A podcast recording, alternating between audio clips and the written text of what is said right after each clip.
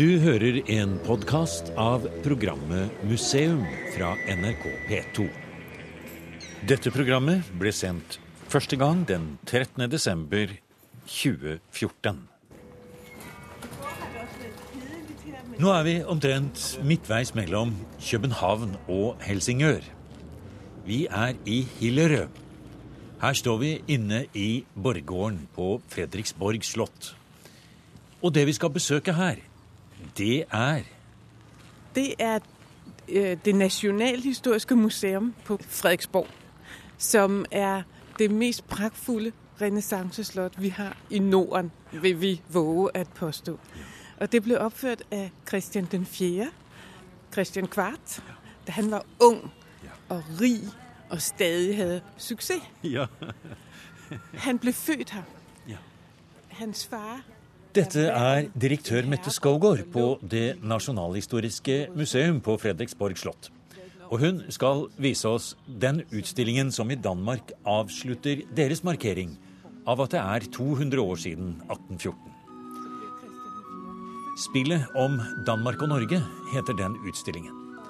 Og Der kan vi bl.a. følge 1814-kongen Christian Fredrik og få høre hvordan det gikk med ham da han kom hjem til Danmark og etter hvert ble danskenes siste enevoldskonge.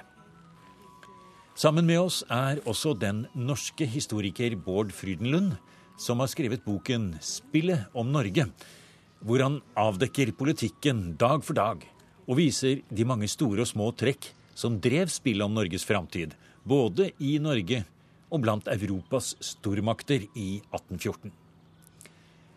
Men først tilbake til det storslåtte Fredriksborg slott, hvor Kristian den 4. ble født. Det skulle være stort og flott, sier Mette Skaugård. Kristian Kvart ville gjøre Danmark-Norge til en moderne europeisk stormakt, med handel, kunst, kultur og stort diplomati. Så han måtte ha et sted. Københavns slott var en underlig gammel øh, borg, som var øh, bygget sammen gjennom flere generasjoner. Det var ikke noe flott sted. Kronborg var mer en festning. Og så var Hillerød meget perfekt plassert. Det lå midt mellom Helsingør og København. De viktigste byer. Helsingør var jo der man tjente Mhm. pengene fra Øresundstollen. Ja, ja, Så var det omgivet av skove. Så det var perfekt til jakt. ja. Og jakt var jo øh, både adelens og fyrsternes favoritt. Fritidsbeskæftigelse. Og rundt dette flotte slottet som ligger ute i en innsjø her, så er det ikke bare litt rester ennå av skogen, men det er en fantastisk også hage, et flott hageanlegg. Som jo er veldig spesielt, og som nesten er verdt en tur alene for å se. Det er jo så øh, en senere tilføyelse til anlægget, som ble lavet av Fredrik den 4. Inspira efter inspirasjon fra italiensk og fransk barokk. Så det er en barokk have efter fransk forbilde, der ligger foran renessanceslottet her.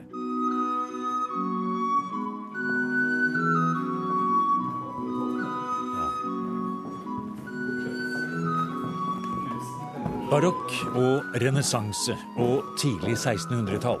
Den italienske komponisten Tarquino Merula var samtidig med Christian 4. og sies å ha vært flere ganger ved den dansk-norske kongens hoff. I bakgrunnen hører vi hans komposisjon for fløyte og viola. Bård, har du, har, du, har du fortapt deg i de mange korridorer? Ja, riktig. For noen flotte salonger og saler på rad og rekke. Marmor på gulvet. Et, et tak som er så utsmykket at det er ikke til å tro. altså. Store lysekroner. Gobelenger. Den er gjenoppført etter brannen. Vi er ikke til Riddersalen, som er restaurert slik den var, med taffelet og det hele, da den norske 1814-kongen Christian Fredrik ble til kong Christian 8. i 1840. Vi er på vei. Vi skal ned i utstillingen Spillet om Danmark og Norge, som kanskje gir et litt annet bilde enn det vi er vant med i Norge. For i Norge er det jo selvstendighetstrang og frigjøring fra den 417 år lange unionen som er gjennomgangsmelodien.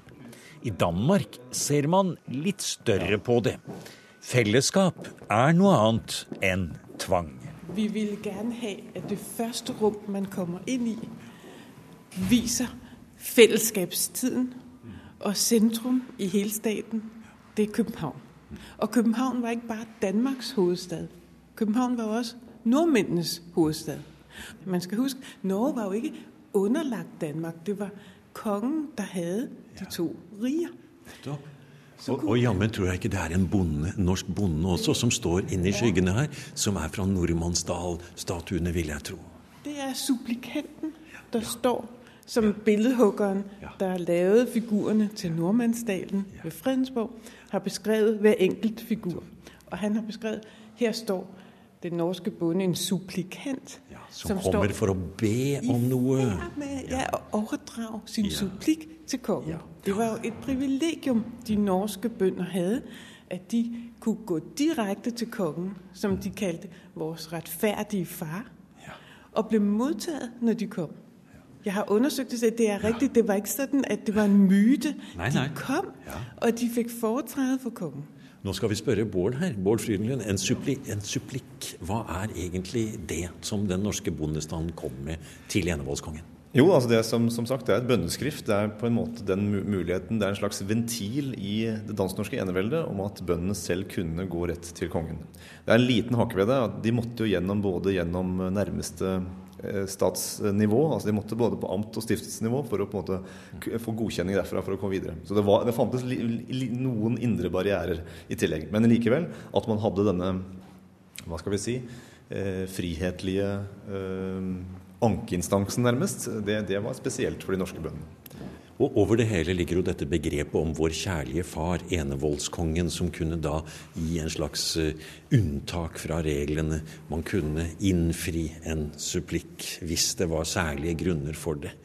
Uh, hele dette bildet av enevoldskongen som vi går rundt i her nå og ser inn i dette slottet, det greier vi vel ikke engang å forestille oss i dag hva den mentalitetshistoriske bakgrunnen for det er. Nei, altså, man, jeg tror vi kan se det på en figur. Ja, vi skal gå litt inn og se. Og den figur det er utskåret i elfenben. Ja. Og den viser to kvinnefigurer. Den ene symboliserer Norge, og den andre symboliserer Danmark. Så man ser dem som ja, Her er det voksne kvinner. Det kan også være noen ganger øh, som små barn. Og så er øh, statsmakten, der jo var kongen, representert ved øh, f.eks. en mor, der tar, der, der tar hånd om sine børn og behandler dem ligeligt. Her vil vi gerne illustrere hva Norge betød for fellesskapet.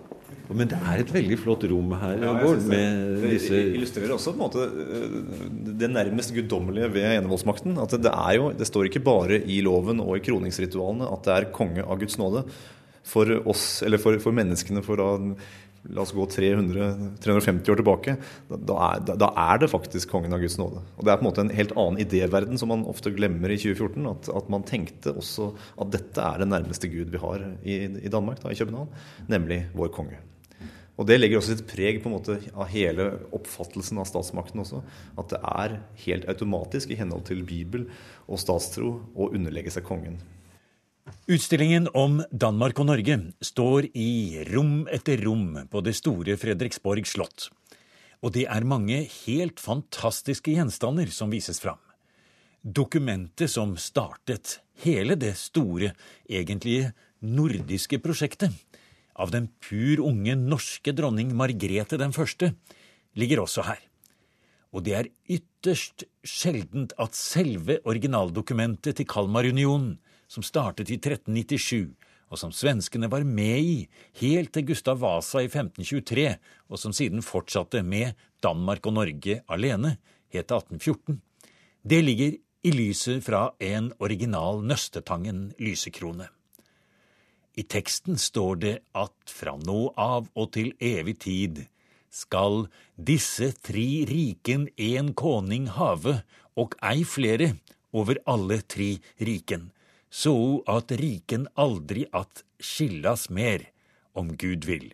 Og Jeg syns det er, der er så mange der måske ikke er klar over at fellesskapet mellom Danmark og Norge Altså Svenskene trakk seg jo ut av unionen, mm. men Danmark og Norge forblev i unionen. Og det er sånn det fellesskap er oppstået, og det er sånn man skal forstå det.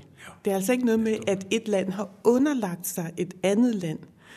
Det er et, en, et fellesskap under de samme regenter. Og det er fantastisk å se dette pergamentet som ligger her, med de fantastiske seilene, en stor mengde av dem, fra denne håndfestingen. da. Eh, og det er jo originalen. Det er ikke ofte den er ute fra sitt mørke rom i Nasjonalbibliotekets eh, safe. Nei, det er noe helt enestående å få lov til å låne. Det, og det er jo klart, vi skal jo passe på det. Det kan jo ikke genskapes. Ja. Og så nå for å vende tilbake til lysekronen fra ja. Nøstetangen, som jeg, jeg, var jo lykkelig for at vi måtte låne den. Tenk en glasslysekrone fra 1760. Fullstendig intakt og velbevart. Og så fikk vi lov til å sette lys i. Nettopp. Det, det tror jeg aldri jeg har sett før. Det er har... ikke riktige lys. Nei, uh, selvfølgelig, de er jo ja, ja. elektriske, men de ja, illuderer stearinlys. Så man kan få en fornemmelse av hvor praktfullt ja, uh, og det er, jo, det er jo både mørk, lilla glass og helt blankt glass og store, flotte, eh, slyngende bevegelser i den. Ja, men den er vidunderlig. Og jeg sier til alle det, I skal huske se Kalmarunionen. Se lysekronen. Ja, fantastisk. En helt spesielt flott utstilling er det som står på Fredriksborg nå, og som absolutt kan være et fint turmål for alle historieinteresserte nordmenn som er på reise til København. Det er jo bare en brøkdel av malerier, gjenstander, kunst og kultur vi rekker å fortelle om i dette programmet. Bare skulpturene i helfigur av norske bønder, som enevoldskongene gledet seg over å ha i den såkalte Nordmannsdalen i hageanlegget til et annet slott, Fredriksberg, er verdt et program alene. Her er det ikke snakk om noe 400 år i natt, men et stolt samboerskap med én felles konge, til glede for begge lands innbyggere. Kanskje vi som er norske gjester, tenker til glede kanskje særlig for handelspatrisiatet, embetsmennene og adelen. Men, sier Mette Skaugård, systemet fungerte godt i sin samtid, også for bøndene. Og, og man skal jo også altså, tenke på at hvis ikke den norske befolkning, og det er jo en, mange av dem er jo så bønder på det her tidspunkt, hvis de ikke hadde et positivt forhold til kongen, hvis de ikke ønsket det fællesskab, så vil man jo ikke kunne opretholde det. Det var jo ikke sånn at man hadde militær makt der på noen måte undertvang befolkningen i Norge. Det ville man jo ikke, have, det ville man jo ikke kunne. Det havde man, altså, hvordan skulle man kunne gøre det? Så derfor så var det jo også vigtigt hele tiden at understøtte og fremelske det der særlige forhold mellom øh, de norske bønder, altså den norske befolkning, om du vil, og deres konge. og, det, og det du nå sier, Skagård, det er vel også et viktig eh, poeng for dere her å få frem. da, fordi at utstillingen er jo også et uttrykk for hvordan man i dag ser på denne lange unionsperioden, adskillelsen og perioden som kommer også etterpå, helt frem til 1905 for den saks skyld til vi er i moderne tid. Men det er jo også en måte å bearbeide eller påvirke eller diskutere den, det danske historiesyn på den perioden. Ja, for den danske historie og den norske hører jo sammen. Vi kan jo ikke fortelle den danske historie, og vi kan ikke forstå våre egne kulturelle fenomener, som f.eks. Nordmannsdalen ved Fredensborg, hvis ikke vi prøver å forstå den historie der var den gang, og prøver å se på deres premisser og ikke lade styre for meget av hvordan man tolker det nasjonale på et senere tidspunkt. Dette er morsomme tanker, Bård. Bøndene kunne, ikke, eh, kunne ha gjort opprør hvis de ville, som eh, Skågård sier her. Og det baserer seg på en gjensidig, på en måte ikke bare tillit, men et eh, gjensidig respektsforhold. da. Ja, og det, det, eksisterte helt klart. Eh, det som er, Nå kan man se dette fra, fra ulike sider. altså selvfølgelig, det, det, er en, det, er et kjent faktum at det var ingen store bondeopprør i Norge på, på 1600-1700-tallet. Det var eh, man hadde den såkalte Lofthusreisningen og man hadde strilekrigen 1760-tallet.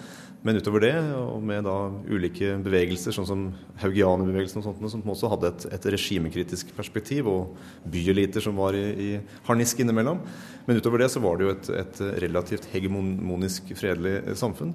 Nå kan man jo også si på den andre siden å si at uh, den beste form for um, for eh, hegemoni i en stat er når ingen i det hele tatt får med seg at de er undertrykt. Det kan jeg jo si på en veldig spesiell måte. Så, så, men, er, men, jeg tror at kanskje sannheten ligger i en mellomposisjon her. sånn at, eh, at man hadde ikke oppbygd en statsmakt i Norge til å kunne være noe eget norsk på den tidspunktet uansett. Det, og, det, og, det, å innfinne seg innenfor, eh, innenfor den dansk-norske staten var jo en behagelig situasjon. Særlig fordi man under nøytralitetshandelen, som da Danmark-Norge var en del av, hadde gode inntekter for handelselitene bl.a. Og det, også, eh, det var en sånn trickle down-effekt også på allmuen i Norge, som også nytt godt av det. Så at inntektsnivået Det var, ingen, det var selvfølgelig nødsperioder i Norge på 1700-tallet også, men ikke på, en måte, på langt nær det man så på kontinentet og i Russland og andre steder. For dette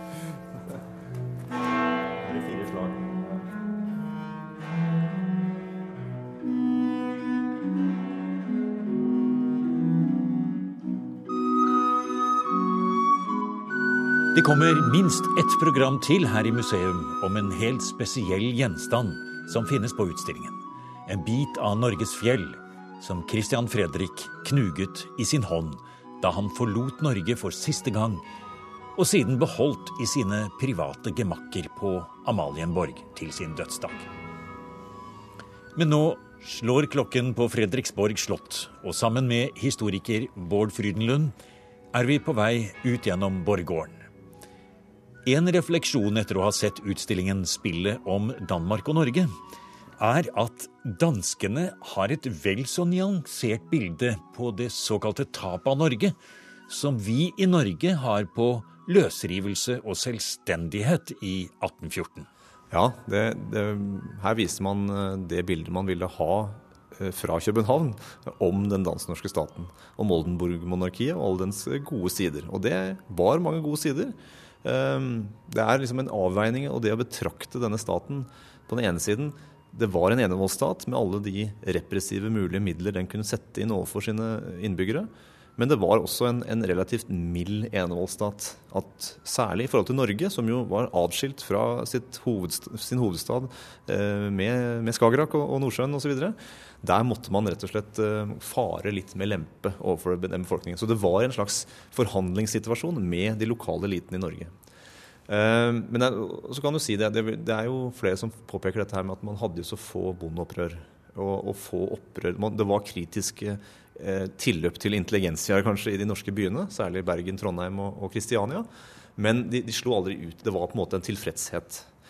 Og så kan man si det på den andre siden, da, som jeg også sa litt inni der, at eh, for, å sette, for, å ta ar arketypene på den ene siden Jo, man likte seg i det dansk-norske riket. Det var et bra sted å være. På den andre siden så kunne man si at jo, den beste form for eh, undertrykkelse, det er jo der de undertrykte ikke merker at de er undertrykket. Den lykkelige slave. Nettopp. Ja. Og det er jo, det kan man si, eh, er en, et helt annet, den helt motsatsen til dette her. Sannheten ligger nok et eller annet sted midt imellom. Det er jo ikke, ikke særlig kontroversielt å si det. Men, men, men, på en sånn utstilling som dette, så er det kanskje, sett med norske øyne, lurt også noen ganger å stoppe opp litt og så tenke Kanskje vi er for nærsynte i Norge? Kanskje vi holder på litt for mye med denne såkalte natten som hadde senket seg? Kanskje er det lyset som ble slått på? Eh, kanskje det er sånn at vi trenger et lite korrektiv til den, skal vi si, litt sjablongmessige, standardmessige forklaringen på unionen med Danmark? Ja, altså det, Dette med uekte lodning og 400-årsnatt, det, det, er nok ikke riktig, det heller. Eh, og det er helt klart, Hvis vi kan bruke så moderne begrep som stordriftsfordelene av å være i unionen Danmark, de var der helt klart. Og man hadde ingen intelligensia å snakke om. Man hadde ikke et stort kulturelt miljø. Man hadde ikke heller noen akademiske eh, store miljøer i Norge. Men nå kan man si at det også var et, det var også en, et produkt av den enevoldsstaten man hadde. Altså man var eh, tross alt, Det var sentrum som betydde noe. Man hadde kongen av Guds nåde i København. Og det var alle, alle riksdelene var underlagt København. Ikke Danmark som sådan, men København by. Det var her lå, her, her var kongen, og her var også, også de sentrale institusjonene, alle regjeringskamre osv. Så, så Så det, det, er på en måte en vanskelig å kunne, kunne komme til en, en, helt sånn klar slutning om hva, hva slags form for styre var dette dansk-norske styret, i forhold til særlig Norge.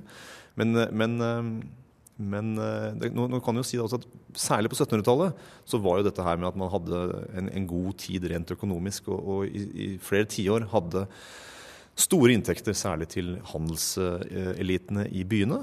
Og dette var jo et resultat av nøytralitetshandelen. At Danmark-Norge ikke involverte seg i så mange av de store europeiske krigsteatrene eh, i løpet av 1700-tallet. I motsetning til 1600-tallet, som var det krigerske århundret, selvfølgelig. I boken Bård Frydenlund har skrevet om 1814, som heter 'Spillet om Norge', er det særlig de norske fraksjonene som blir lagt under lupen.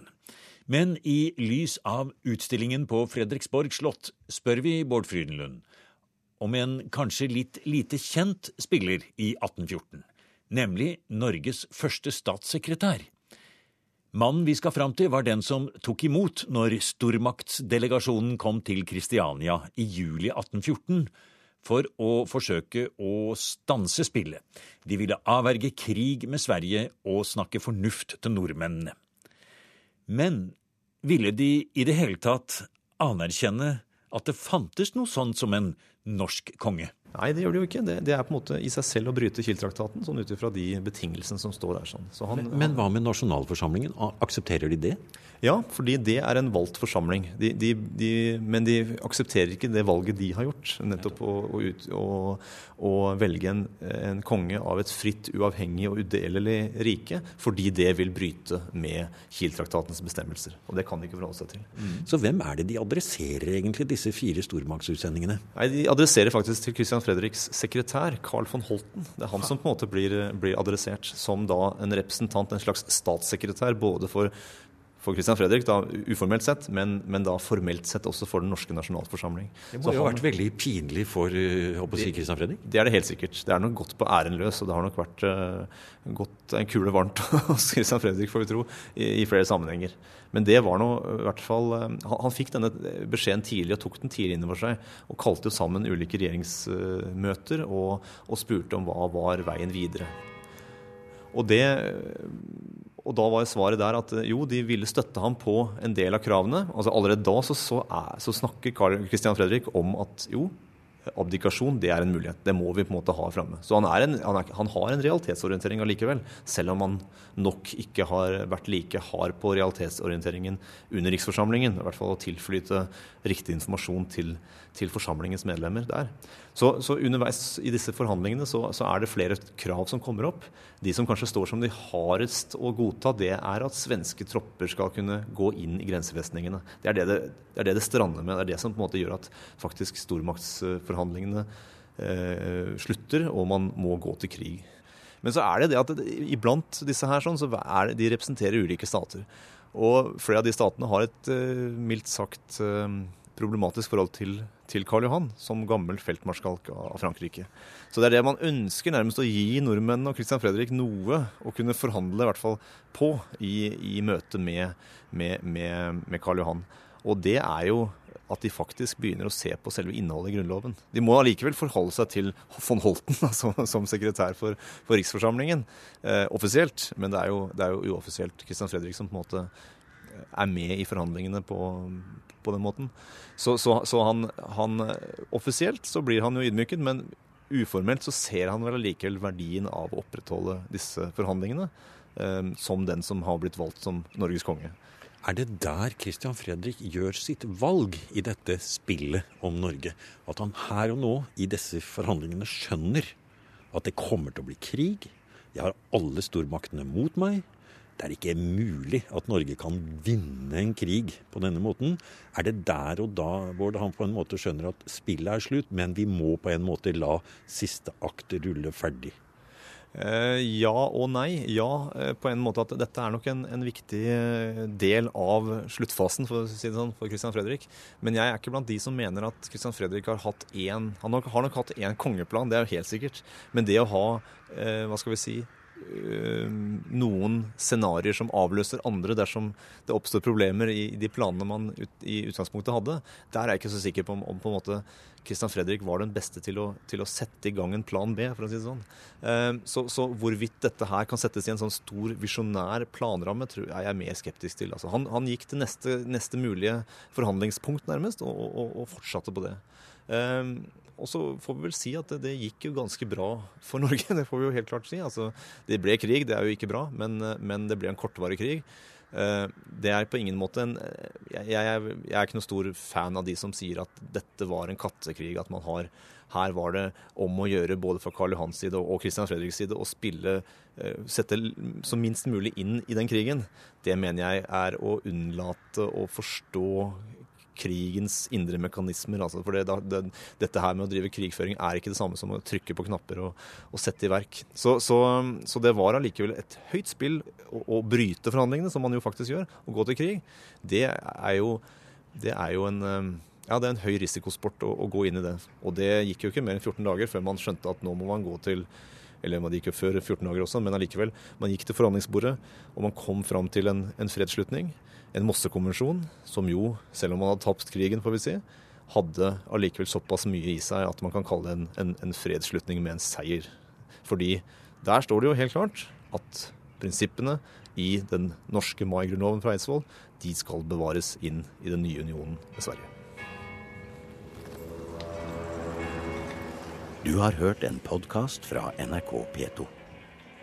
Send gjerne en e-post til museum krøllalfa nrk.no.